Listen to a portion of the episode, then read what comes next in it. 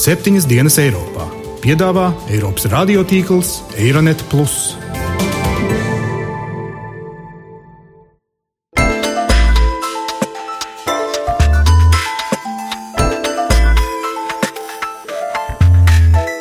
Šonadēļ septiņas dienas Eiropā dzirdēsim. Cilvēku tirzniecībai jau ir globāls raksturs.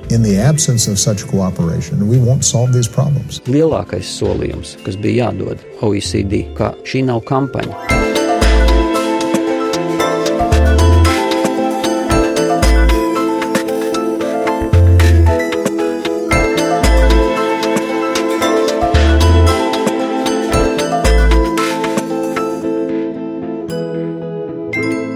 Labdien, godējamie klausītāji! Latvijas radio studijā Kārlis Streips esat sveicināti septiņas dienas Eiropā raidījumā, kur skaidrojam, kā mainas kontinents, kurā dzīvojam un kā Eiropas un pasaules notikumi ietekmē mūs tepat Latvijā. Sāksim ar to, ka drudžaina modrība atkal atgriezusies visā, kas saistīts ar Grieķiju un tās parādu nomaksu, jo jau jūlijā Grieķijai jāatmaksā nieka 3,5 miljardi eiro no sava parāda. Startautiskā valūtas fonda izpildirektora Kristīna Lagārda jau paspējusi aicināt Eiropas sniegt Atēnām kāda mēra parāda norakstīšanu, jo viņa netic Grieķijas tirgus izaugsmes prognozēm. Pretējā gadījumā viņa draudējusi valūtas fonds var izbeigt savu līdzdalību turpmākajā Grieķijas ekonomikas glābšanā. Eirozonas finanšu ministru Eirogrupas vadītājs Dīzelblūms savukārt steidz mierināt pasaules tirgus, ka Eiropa negatavojas pavadīt vēl vienu vasaru finanšu tango ar Grieķiju. Arī Eiropadomas priekšsēdētājs Donalds Tasks mudināja Eiropas zonas finanšu ministrus drīzumā tikties, lai novērstu iespējamu notikumu attīstību, kas varētu draudēt ar pagājušās vasaras finanšu drāmas atkārtošanos. Šodien, toties raidījumā, spriedīsim par Latvijas virziešanos tuvāk ekonomiskās sadarbības un attīstības organizācijai OECD un par to, kā šobrīd Eiropā dažādi grupējumi vervē atsvešināto jaunatni seksa verdzībai un kara klausībai tuvajos austrumos diemžēl arī Latvijā. Bet vispirms par prezidenta Baraka Obamas vizīti Eiropā, ko viņš savas prezidentūras termiņa beigās ārpolitikā vispār var solīt.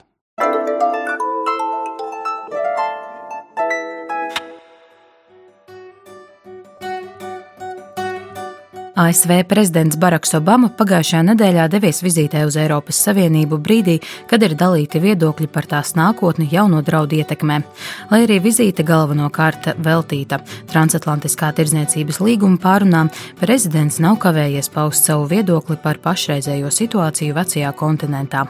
Tikoties ar Lielbritānijas premjeru Dēvidu Kameronu, viņš aicinājis Britus balsot par labu palikšanai Eiropas Savienībā un norādīja, ka Lielbritānijas izstāšanās vājinās mazinātu ASV intereses reģionā un traucētu kopīgai izaugsmai. Vēlāk Hanoverē Obama apsveicis Vācijas kanclere Angelu Merkeli, sakot, ka ir nostājusies vēstures pareizajā pusē, aicinot sīriešu bēgļus meklēt patvērumu Vācijā. Vienlaikus viņš ir brīdinājis, ka paļaujoties uz ASV atbalstu, Eiropas valstis nedrīkst sevi izolēt no pārējās pasaules. Tikai ar solidaritāti un dialogu organizācijās kā Eiropas Savienība, G7 un NATO Eiropas līderi var atrisināt krīzes un jebkādus draudus tās drošībai. Stāsta ASV prezidents Baraks Obama. It would be, I think, tempting for a lot of people to believe that we can pull up the drawbridge, that we can carve a moat around ourselves uh, and not have to deal with problems around the world. Daudziem ļoti vilinoši šķistu sevi izolēt un neiesaistīties dažādu problēmu risināšanā. Tomēr šādas privilēģijas mums nav. Starptautisku problēmu risināšanā ir nepieciešama starptautiska reakcija. Šim nolūkam mums ir nepieciešamas starptautiskas institūcijas, un atbalsts reģionālām un starptautiskām struktūrām, kas nebūtu nav perfektas un šķiet pārlieku sarežģītas. Mums ir jāņem vērā, kādi uzskati atsevišķos jautājumos ir piemēram francūžiem, vāciešiem vai japāņiem. Šie uzskati nevienmēr sakrīt ar mūsu viedokli par to, kas tieši būtu jādara. Bet no otras puses, bez koordinācijas un sadarbības mēs esam krietni par vāju, lai risinātu šīs problēmas. Tā tas ir saistībā ar Sīriju un ar veselu virkni citu jautājumu, ar kuriem mums vajadzēs nodarboties vēl gadiem ilgi. Pēc vairāku ārpolitikas speciālistu domām Obama savas prezidentūras laikā apzināti nav iesaistījies Eiropas problēmās un vairāk uzmanības veltījis interesēm citos reģionos. Arī šī vizīte galu galā ir tikai viena no vairākiem prezidenta ceļojumiem attiecību kristalizēšanā ar dažādām pasaules valstīm. Tāpat daudz tiek mēļots par vizītes maznozīmīgumu, ņemot vērā Obamas valdīšanas termiņa drīzām beigām, kā arī prezidenta pēctecības jautājumu un kā šī pēctecība ietekmēs turpmāko ASV globālo stratēģiju. Bet pēc Somijas ekonomikas ministra Olija Rēna vārdiem ASV neiesaistīšanās globālos jautājumos nenāks par labu nedz ASV, nedz Eiropai, nedz pasaulē. Plaši medijos izskanējis fakts, ka musulmaņu izcelsmes jaunieši, kas atsvečinājušies no Eiropas sabiedrības, tikuši aktīvi vērvēti doties uz tuvajiem austrumiem un piedalīties karā pret neticīgajiem daīšu rindās. Toties fakts, ka tas pats tiek darīts ar rietumu sabiedrības jaunatni, kas bieži vien ir tikpat atsvešinājusies no savu vecāku veidotās sabiedrības, ir mazāk zināms un pat šausminošāks. Vairāk par to, kā Eiropā un arī Latvijā vervē bērnus un jauniešus verdzībai un kara klausībai tuvajos austrumos, mana kolēģe Jāņa Kropa sižetā.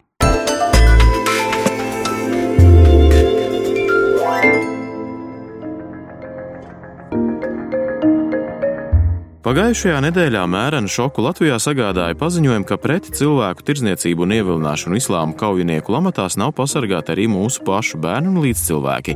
Biedrība patvērums drošā māja brīdināja, ka arī Latvijā ir novēroti gadījumi, ka nepilngadīgus bērnus vervē dzīvē tuvijos austrumos. Pierasta lieta bija dzirdēt, ka šādi gadījumi notiek tajās Eiropas zemēs, kurās ir ievērojama musulmaņu kopiena, piemēram, cilvēks uzrunā it kā viņu pašu pazaudēto kultūru, bet kas varētu likt bērnam Latvijā gribēt pievienoties islāma valstī?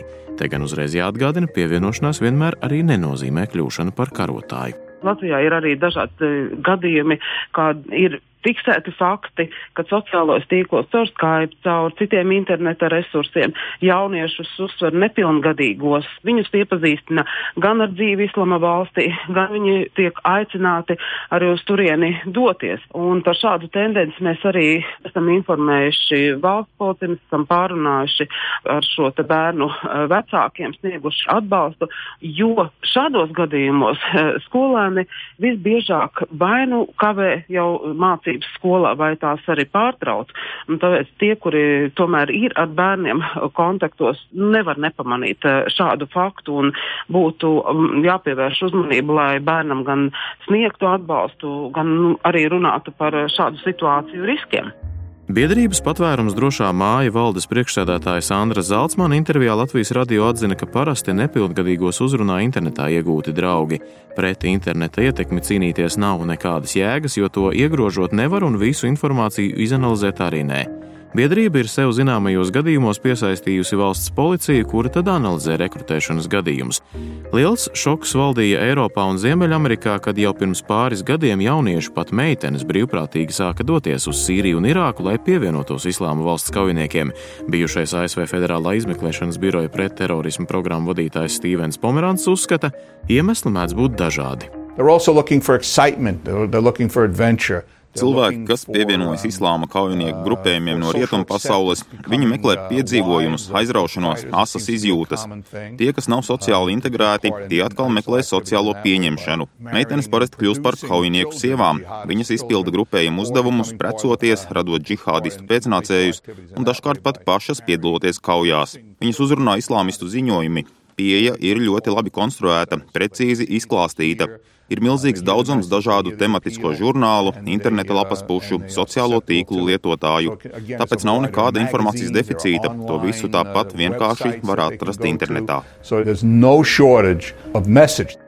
Lielbritānijā šī problēma īpaši asi izpaužas jauniešu vidū, kuri dzīvo sociālā atstumtībā vai arī kuriem nav draugu vietējā sabiedrībā. Lielbritānijas mēdīja piedāvā dažādus stāstus no ikdienas, kad jaunieši paši stāsta par savu pieredzi, kā tad iekulās ķezā sarunājoties ar nezināmiem cilvēkiem internetā. Ilustrācijai īsts stāsts par meiteni vārdā Aleksu. Viņas vārds, protams, ir mainīts, bet stāsts gan ne. The first thing they told me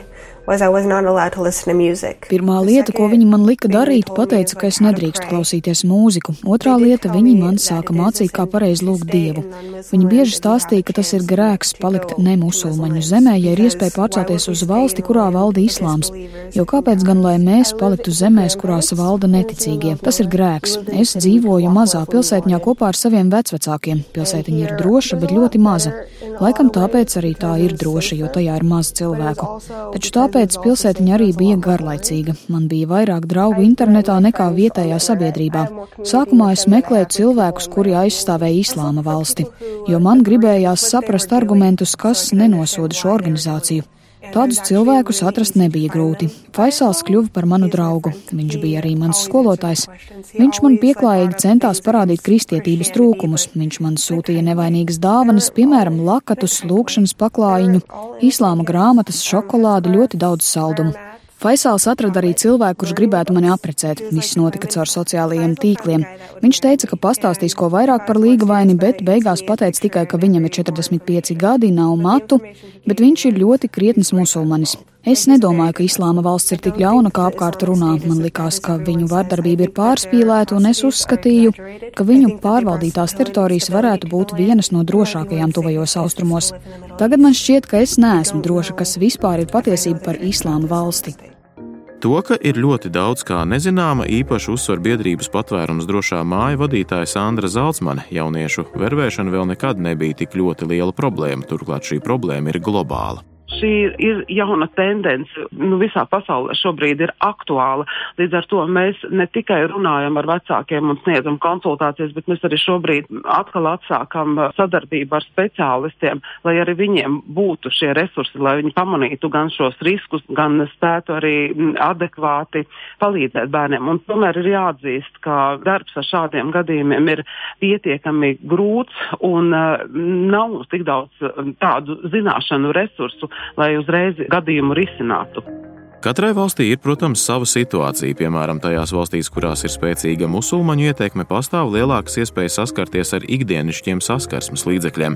Zviedrijā bija skandāls, ka kāds islāma valsts atbalstītājs esot vervējis cilvēkus pievienoties darba meklētāju biržā. Jauniem vīriešiem piedāvāja iespēju kļūt par karotājiem. Zinot, ka bez darba esošs jauns vīrietis varētu mocīties pārmetumos par savu bezjēdzību, varētu arī uzķerties vilinošam aicinājumam pierādīt sevi, iegūt slavu, atzinību un pat iegūt sievietes. Tikmēr sievietēm parasti lielākais risks ir kļūt par verdzenēm kaujinieku mājās. Viņām ir jāizpild visas vīru vai saimnieku prasības, jāsniedz fiziskais gandarījums un jādzemdē bērni. Ir ļoti daudz dažādu stāstu, kā sievietes mukušas no gūsta. Tikmēr Sandra Zeltsman uzsver nepieciešamību ekspertiem apmainīties ar informāciju, lai tad precīzāk varētu risināt katru individuālo gadījumu cilvēku tirzniecībai jau ir globāls raksturs. Faktiski e, visi eksperti tomēr nosauc vienas un tās pašas formas, tikai darbs, kādā veidā ierobežot šo cilvēku tirzniecību katrā valstī, ir nedaudz atšķirīgs. Tā ir lieliska iespēja paņemt to pieredzi, kas ir uh, citām valstīm. Mēs savukārt varam nodot pārējiem ekspertiem, lai mēs pēc iespējas mazāk identificētu šādus cilvēku tirzniecības gadījumus, jo ik viens cilvēks, kurš ir izgājis cauri tādai ellei um, atgriežas dzīvē pēc ārkārtīgi ilga perioda. Izpratne, ka islāma kaujinieki var uzrunāt tikai ārkārtīgi radikālus islāma ticīgos, jau sen kā ir novecojusi. Drošība internetā allaž paredz būt ļoti uzmanīgiem ar visu to, ko ir grūti pārbaudīt. Lai tā būtu prece, vai arī lai tā būtu saulaina un spoža dzīve kādā tālā zemē, patieso lietu kārtību varēsiet noskaidrot tikai tad, kad saņemsiet preci vai nonāksiet izslavētajā paradīzē. Aizceļot no savas valsts ir ļoti viegli, bet iespējas atgriezties var būt krietni grūtākas. Diemžēl vairumā gadījumu tā ir pašas sabiedrības nolaidība neinteresēties par saviem bērniem, mazbērniem, kaimiņiem vai draugiem. Tehnoloģijas ļauj mums daudzas lietas optimizēt, bet ietaupīt laiku uz bērnu rotaļām, draudzību un daudzīšanos gan varētu nosaukt par bērnības laupīšanu. Varbūt draudz, ka kāds cits varētu izmantot jūsu uzmanības trūkumu, liks vairāk padomāt, kā nodarbināt bērnus un jauniešus, lai viņiem neatliktu laika domām par piedzīvojumiem citās zemēs. Ekonomiskās sadarbības un attīstības organizācijas kukuļošanas apkarošanas starptautiskajos biznesa darījumos darba grupa šomēnes sniedza OECD padomei pozitīvu viedokli par Latvijas gatavību pievienoties organizācijai. Īpaši novērtēts Latvijas paveiktais noziedzīgi iegūtu līdzekļu legalizācijas un terorismu finansēšanas novēršanā, kā arī citu prioritāro uzdevumu veikšanā un rekomendāciju ieviešanā. Lai vairāk pastāstītu par Latvijas virzienu uz OECD un par to, cik Latvijas finanšu sektora lielā pavasara tīrīšana saistīta ar solījumu izpildu šai organizācijai, studijā Finanšu un Kapitāla tirgus komisijas priekšsādātājs Pēteris Putniņš. Labdien! Labdien! Varbūt vispirms izskaidrojiet klausītājiem, kas īsti ir tā OECD un kāpēc Latvijai tā ir svarīga. Jā, tad par šīs organizācijas būtību ir jāsaka tā, ka tas ir nosacīti pārtikušo valstu klubs un arī vienlaicīgi attīstītāko valstu klubs kas apvieno sevī valstis, kuras izpilda noteikti standarti dažādās dzīves jomās. Šeit mēs runājam ne tikai par finanšu jomu, bet daudz un dažādās nozarēs. Līdz ar to Latvijas virzība bija ļoti loģiska uz iestāšanos. Ja, tas, tas bija valdības lēmums. Un, Protams, mēs varbūt neesam pirmie, ja, ja mēs skatāmies Baltijas kontekstā, ja Igaunija jau to bija izdarījusi pirms mums. Tas bija labs stimuls, es uzskatu. Un, protams, arī no tāda ģeopolitiska aspekta skatoties, tā, protams, ir izvēle, kurā pusē mēs izvēlamies palikt un kā mēs savu valsti attiecīgi sakārtojam, lai tiešām atbilstu jau pēc Eiropas Savienības. Mēs skatāmies jau nākamajam standartam, lai varētu pievienoties tātad OECD valstu pulkam. Tas, protams, ir arī zināmā mērā instruments, kā sekot visām valstīm, tā teikt, vienai otrai līdzi. Tātad vai tiek šis sasniegtais standarts arī noturēts. Tāpēc arī man liekas, ka nav jārunā vai jāpārspīlē tas, ko varbūt iepriekšējos mēnešos mēs runājām par tādu OECD spiedienu un tā tālāk. Tas jau nav spiediens, tas ir vienkārši ir prasības, kuras katra valsts izvēlās vai nu izpildīt un iestāties, vai nu arī, ja nē, tad, nu, kā es teicu, arī palikt iespējams kaut kur barikāžu otrā pusē. Mm -hmm. tā teikt. Jā. Cik ir dalību valstu OECD? Precīzi es jums tagad uz šo jautājumu nevarēšu atbildēt. Bet, bet mazāk nekā apvienoto nāciju organizācijā un vairāk nekā Eiropas Savienībā. Pilnīgi noteikti. Jā. Jā. Jā. Vai, vai Latvijai no tā būs kaut kāds konkrēts labums, izņemot to, ka kāds tagad pieskatīs, kā mēs uzvedamies, tā teikt? Es domāju, ka tas lielākais labums būs uh, no tā, ka Latvija būs zināmā mērā spiesta pašdisciplinēties. Jo tas ir pirmais. Ja es zinu, ka man pirmkārt kāds seko, bet otrkārt arī apzinoties tomēr, ka ir dota zināma solījuma. Ja? Mēs paši esam sev uzstādījuši zināmu standartu, nu tad viņš arī ir jānotur. Un tas labums būs vienkārši no tā, ka Latvijas valstī būs apziņa, ka šis standarts dažādās dzīves jomās, ja ne tikai finanšu sfērā, ir vienkārši ir jānotur. Ja. Un arī investori to sapratīs, ka tas ir, protams, no, ir nopietna valsts. Protams, jo tam būs ļoti liela ietekme arī uz reitinga aģentūru viedokļiem. Jā. Tas, protams, neapšaubām dos labumu arī, arī monetārā izteiksmē vēlāk. Kāds pat labi ir, ir grafiks šim procesam? Kad Latvija, ja, ja tagad ir pateikts, ka būtībā viss ir apmierināts, kad varētu Latvija iestāties? Laikam būtu šis jautājums primāri ārlietu ministrijai, ja, bet cik es zinu, tad varētu runāt par uzaicinājumu vasarā Jā, mhm. būtu runa tā kā, bet nu, tas vēl acīm redzot ir jānogaida. Kādā veidā OECD prasības atšķiras, piemēram, no Eiropas Savienības prasībām? Jo par Eiropas Savienību arī ir teikts, viņi mums eh, ir nolikuši konkrētus standartus un uz priekšu.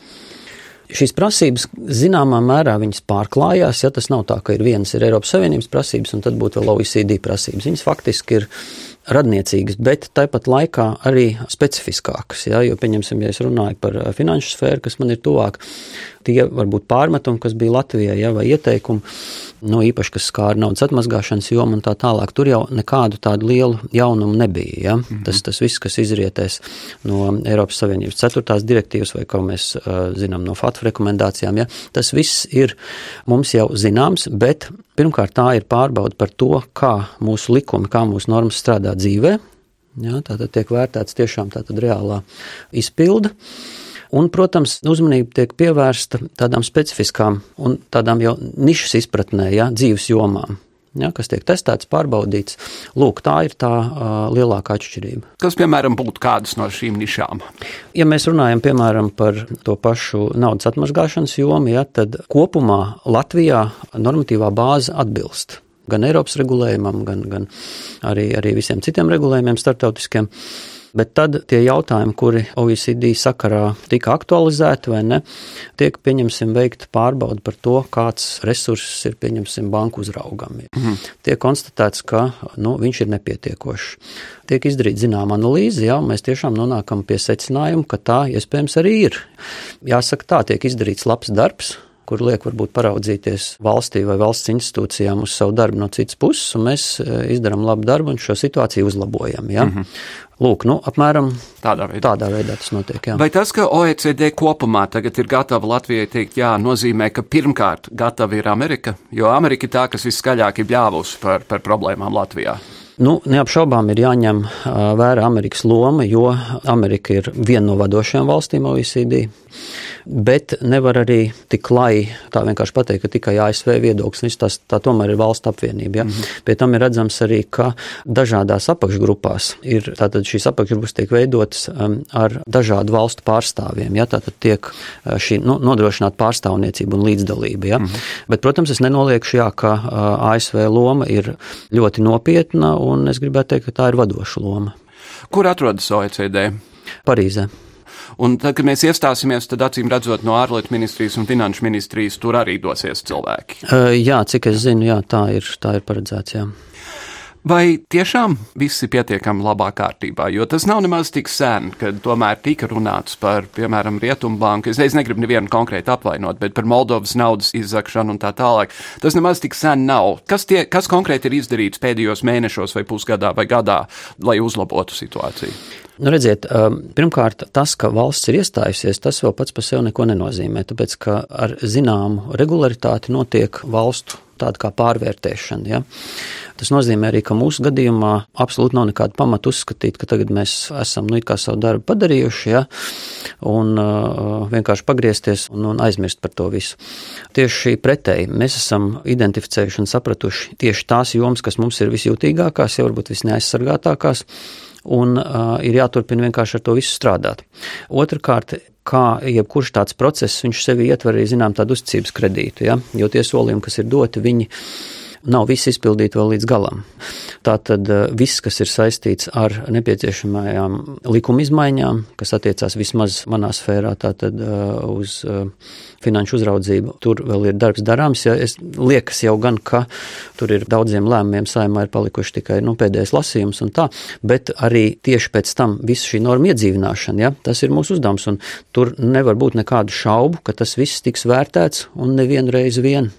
Vai jūs, prāt, saimā cilvēki tiešām saprot, kas te ir par jautājumu un kādi ir vajadzīgie risinājumi? Grūti jau ir pateikt, ja, bet nu, ņemot vērā, kādi lēmumi tiek pieņemti, gribētos domāt, ka jā, nu, mēs, protams, arī veicam skaidrojošo darbu, cik mēs varam. Ja. Visā OECD iestāšanās laikā ir, ir bijuši iesaistīti apmēram 40 cilvēki no uh, Finanšu kapitāla tirgus komisijas. Ja. Tātad, ja mēs rēķinām, tā ir no apmēram ceturtā daļa, ja tas ir ļoti liels skaits. Dažādi mūsu darbinieki dažādos laikos ir bijuši dažādās saimas komisijās. Mm -hmm. ja. Tātad darbs ir ieguldīts, un es domāju, ka nu, arī pie šīs skaidrošanas mēs esam savu artavu snieguši. Mhm. Tad, kad Latvija iestāsies šajā organizācijā, vai kaut kas mainīsies jūsu aģentūras darbā? Nu, es gribētu teikt tā, ka izmaiņas jau notiek. Viens no tādiem, ko jau es minēju, pārmetumiem, nepārmetumiem vai ierosinājumiem bija tas, ka ir nepieciešams palielināt to resursu, kas Finanšu kapitāla tirgus komisijā tiek izmantots naudas atmazgāšanas kontrolē.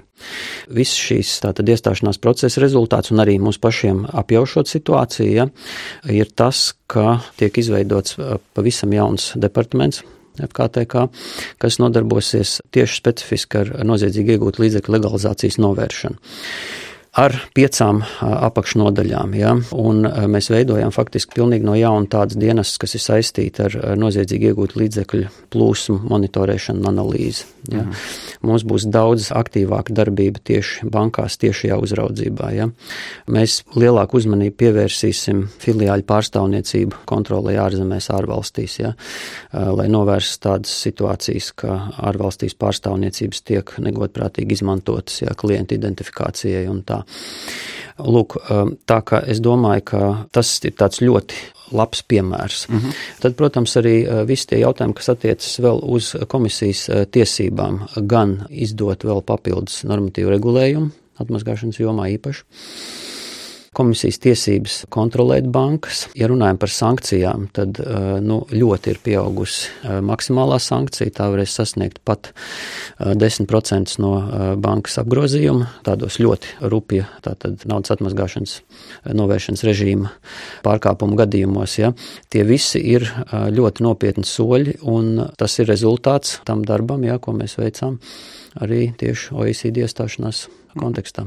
Vai no OECD tagad nāks cilvēki, kas strādās komisijā, vai, vai viņiem te būs birojs kā organizācijai klātbūtne kaut kāda? Uh, nē, par to, kāda varētu būt um, OECD klātbūtne Rīgā, es uh, tik precīzi nevarēšu pateikt, bet jebkurā gadījumā uh, komisijā nē. Uh, tā, tāda veida sadarbība nebūs. Ne. Mm -hmm. Latvija, protams, ir izgājusi cauri bankai Baltija un Auseklītiem un Pāreks bankai un visam pārējiem.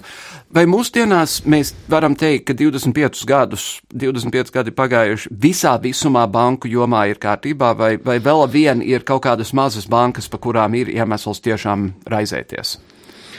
Nu, tā pirmā atbilde būtu tāda, ja kurā gadījumā nu, uzraudzības process ir tikpat nebeidzams kā pats banku biznesa process. Ja, tik ilgi, kamēr būs bankas un, un kamēr bankām būs biznesa, acīm redzot, mūsdienās būs nepieciešama arī uzraudzība. Pašreiz es gribētu teikt tā, ka mums ir Latvijā zināms stabilitātes periods, jā, gan banku rezultātos, gan ir labi augsti peļņas rādītāji. Un šis ir īstais laiks, kurā tagad pievērst uzmanību un sakārtot tās lietas, kas ir saistītas ar uh, naudas atmazgāšanas jautājumiem. Bankas to var atļauties. Mums nav tādu citu lielu problēmu. Jā, krīzes sekas ir lielos vilcienos, ir izsmeltas. Mēs tiešām varam tagad veltīt uh, gadu, divus, lai uh, ievestu kārtību savās mājās, jo, protams, tas, ka uh, Latvijas vārds tiek zinām regularitāti, ja, minēts lielākajā daļā no tiem lielākajiem skandāliem, ja, naudas atmazgāšanas, tas nav normāli. Tas, ka kādreiz kaut kas var notikt, tas vienkārši tā ir, ja, bet ka tik bieži un uh, lielu rezonanci izsaukušos gadījumos. Ja, Latvijas valsts prestižs tiek faktiski iedragāts. Ja. Nu, tā situācija nav normāla. -hmm. Līdz ar to tā rīcība, kas būs no komisijas puses, būs pietiekami stingra un konsekventa. Ja, un tas ir arī tas lielākais solījums, kas bija jādod OECD, ka šī nav kampaņa. Mēs tagad neuzrādām eh, pāris mēnešu garumā kaut kādu eh, kampaņu veidu tādu rīcību, ja, un ka ar to viss tas apstāsies. Respektīvi, tās prasības, kas mums ir izvirzītas un kas ir jāsaprot, kad nāk pa labu mums pašiem un mūsu pašu valstī, ka mēs šeit ieviešam kārtību, un tas ir uz, uz, uz pastāvīgiem un, un, un tādiem organizētiem pamatiem notiek. Mm -hmm. Vai tā dēvētajos Panamas papīros bija kaut kas, kas pārsteidza Finanšu un Kapitāla tirgus komisiju? Pozitīvā vai negatīvā nozīmē?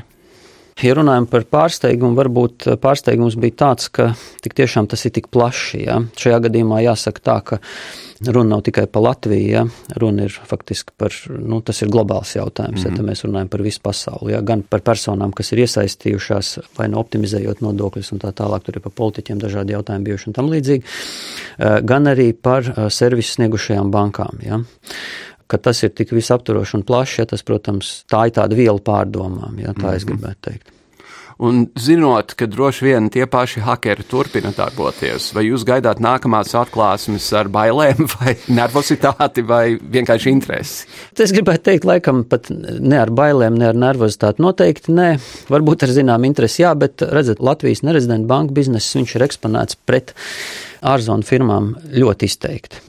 Līdz ar to mēs jau ar šādu situāciju rēķinamies un strādājam katru dienu. Tā kā iespējams, ka atšķirībā no um, lielākās daļas Eiropas valstu, ja, kur šis ir nu, tāds trieciens vai kaut kas nebijis, Latvijai, protams, tā situācija ir nedaudz savādāk, ņemot vērā lielo nerezidentu klātbūtni šeit. Ja. Un tomēr, lai kā mēs skatāmies, kopumā sistēma jau strādā. Viņa nav ideāla, un kā mēs redzam, tur ir dažādi uh, starpgadījumi, mums notiek diezgan bieži un tā, bet kopumā tomēr uz visa tā lielā masa, kas caur Latviju tiek apstrādāta ja, no pārskaitījumiem, viņi tomēr tiek filtrēti un kontrolēti. Ja. Mm -hmm. Un tā ir tāda zinām garantija, ka lai vai kā, bet uh, nu, varbūt tik liela pārsteiguma, kā varbūt uh, kādam citam mums šeit nevarētu būt. Un ideāli nav nekur. Nē, protams, ka noziegu, noziedznieki var darboties. Mūsdienās jau tāds, tas ir globāls process, noziedzība. Protams, un, protams, ir jāņem vērā to, ka mainās pat šis koncepts, vai ne? Tātad nodokļu apiešanas, ja visi tie optimizācijas jautājumi, varbūt visu tādu netīro naudas plūsmu e, ierobežošana, viņa vairs nebūs tik vien kā banku problēma un banku uzraugu problēma, bet acīm redzot, e, tiks skarts arī jautājums par šīm jurisdikcijām.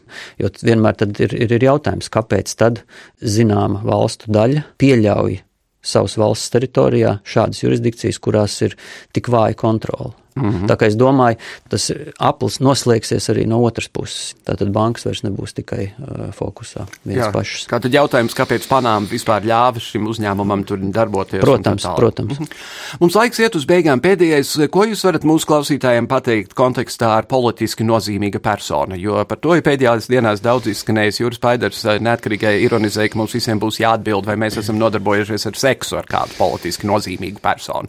Ko, ko mūsu klausītāji var gaidīt? Tātad um, es aicinātu visus iedzīvotājus, kurus skar šis process, uh, uztvert to ar sapratni, jo pirmkārt tā nav kaut kāda iegriba, tā ir faktiski uh, prasība vai norma, kas izriet no Eiropas Savienības 4. AML direktīvas. Šāds režīms ir visās Eiropas Savienības valstīs. Jā, nu, tur, protams, ir kā kur valsts, kurā brīdī pievienojas, bet nu, pēdējais termiņš ir nākamā gada jūnijas. Uh mhm. -huh. Vienkārši OECD sakrā mēs esam to izdarījuši ātrāk, ja, un, un arī paplašināts ir nedaudz lokus, bet šis lokus ir paplašināts tikai uz vecvecākiem un mazbērniem. Tāpat laikā klientiem no kā nav jābīstās, ja, jo bankām pašām ir savi veidi un metodas, kā uzraudzīt politiski eksponētās personas un ar viņiem saistītās personas. Un ja banku kontos nekāda aizdomīga apgrozījuma netiks novēroti, tad šīs personas nejūtīs pilnīgi neko. Tā kā um, es gribētu teikt, ka, nu, protams, var pret to attiekties ar ironiju, bet uh, tomēr es aicinātu to uzņemt nopietni, bet bez kaut kādām bailēm un bažām. Jo jebkuram deputātam vai, vai, vai ierēdnim vai, vai vienalga amatpersonai vai šīs personu grupas radiniekiem, viņiem tātad nodrošinot savā bankas kontā tādu apgrozījumu, kāds ir prognozēts, tā ir alga, nu, normāli regulāri ieņēmumi un esot arī tādai pašai uh, normālai uh, izdevuma struktūrai, pilnīgi nekas nemainās. Mm. Ja? To uzmanību bankas kontrolas ietvaros pievērsīs tikai tad, ja parādīsies kaut kas tiešām neordinārs, ja vai tur sāksies, nezinu, lielas skaidrs naudas iemaksas vai kaut kas tam līdzīgs, tad, protams, bankas atgriezīsies pie padziļināts izpētes, ja, mm un tad jau skatīsies tālāk. Jā. Un, ja, ja kādam pienāks tā anketa, tā tiks atsūtīta pastā vai e-pastā? Un... Dažādi. Katrai bankai, acīm redzot, būs savs pieejams. Es domāju, ka liela daļa tiks izdarīta caur internetu banku. Tad, protams, cilvēkiem ierodoties arī filiālēs banku, un es pieļauju arī, ka tas notiks tomēr pakāpeniski pamazām, ja? jo nu, tas skar tomēr pietiekami lielu cilvēku skaitu, ja? mm -hmm. lai bankas nu, tomēr pakāpeniski apgūtu šo visu tātad, cilvēku loku. Un tā būs liela gara anketa vai vienkārši pāris jautājumu, uz kuriem? Pāris jautājumu tie nebūs, bet mēs esam arī izdarījuši eksperimentus komisijā, ja, kur mūsu darbinieki ir, ir, ir aizpildījuši šo anketu. Tas ir paņēmis starp 10 un 15 minūtēm. Ja? Mm -hmm. Tā kā tas nav nekas briesmīgs un tas kalpo kalpos tikai kārtības ieviešanai mūsu, mūsu pašu valstī. Skaidrs. Nu, tad pabeigsim ar jautājumu, ja es Kārlis Streips esmu tagad intervējis Finanšu un Kapitāla tirgus komisijas vadītāju Pēteru Putniņu, vai es esmu politiski eksponēta persona? Nekādā gadījumā. Skaidrs. Labi. Lielas paldies jums par sarunu. Paldies. Kodolieroču atbruņošanas un neizplatīšanas aprindās labi zināmais apvienoto nāciju organizācijas pārstāvis Sergio Duarte reiz teicis, nevar pats lūgties pie kodolieroču altāra un vienlaikus pat ķeceriem saukt visus tos, kas vēlas pievienoties sektai. Mēs septiņas dienas Eiropā tikai lūdzamies, lai kodolieroču sekta mūsu altāriem netuvojas. Pēdējo divu gadu laikā Gruzijā pieaudzis arestēto skaits, kuri no Armēnijas mēģinājuši ievest kodola materiālu urānu un cēziju. Lielākā daļa arestu veikti policistiem izliekoties par pircējiem no islāmu radikāļu grupām.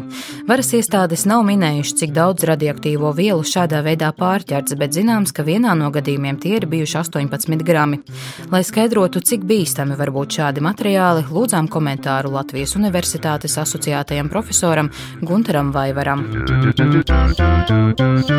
Tas ir pietiekoši daudz, lai sagādātu kaut kādas nepatikšanas. Nu, ja šeit, piemēram, laboratorijā izkaisītos 18 gramus, nu, viss šī māja būtu neapdzīvojama, kamēr viņi nedezaktivētu. Tā bīstamība, protams, ir tāda, nu, ja, piemēram, kādam sliktam cilvēkam ienāk prātā kaut ko tādu darīt neviens vai kāds šeit zinātu, ka tas ir noticis. Jā, jo tā ir varbūt tiem nu, kodolu atkritumiem varbūt tā galvenā problēma, ka mēs jau neesam tā kā Japānas sabiedrība, kur katram nu, pēc viņiem kaut kādam tur vēsturiskam avārijām nonāca pie tā, ka katrs Japāns nesā sev tur geigeru skaitītāju. Ja. Nu, vai Latvijā kādam ir šāds? Ja, mums ir nav. Man arī nav tā kā tika uzzināts, ka matus sāk pārāk strauji izkrist vai kaut kas tāds notikt, ja, kad rastos aizdomas vai nav kaut kur apkārt kāds radiācijas avots.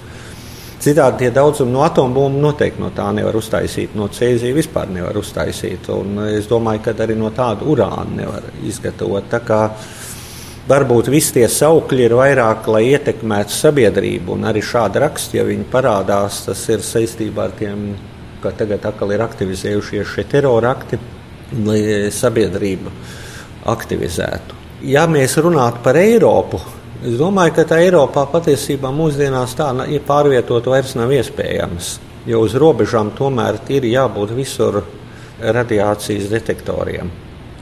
Mēs viņus neredzam. Mēs redzam, ka tie sunīši tur staigā un meklē narkotikas, jā, bet tie detektori arī tur ir nozīmē, ka labi varbūt būt, ka tur jākonsultējas ar kādu, kas tur veic, nodarbojas ar aprēķiniem, izdomāt, ka mēs kādā dažus gramus tur kaut kādā svina konteinerē varētu ieslēpt tā, ka mēs varētu iziet šim eh, detektoram cauri, bet visticamāk jau ka nē. Ar to arī skan šīs nedēļas septiņas dienas Eiropā. Tik tiešām jaunieši, ja kāds jums piedāvā doties uz tuvajiem austrumiem, sakiet nē, nē, nē, nē. Jo Daesh kaujiniekiem mēs tagad zinām, tiek maksāts papildu algā par katru seksa vergu. Vai tu gribi kļūt par seksa vergu? Negribi. Varu garantēt. Līdz nākamajai nedēļai. Visu labu!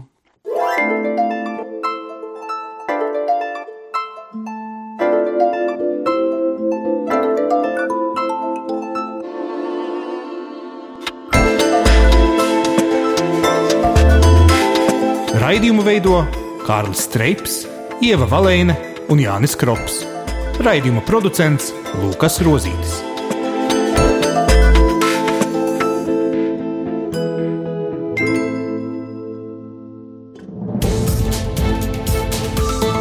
Visus Eironet plus sižetus un raidījumus meklējiet Latvijas radio mājaslapā.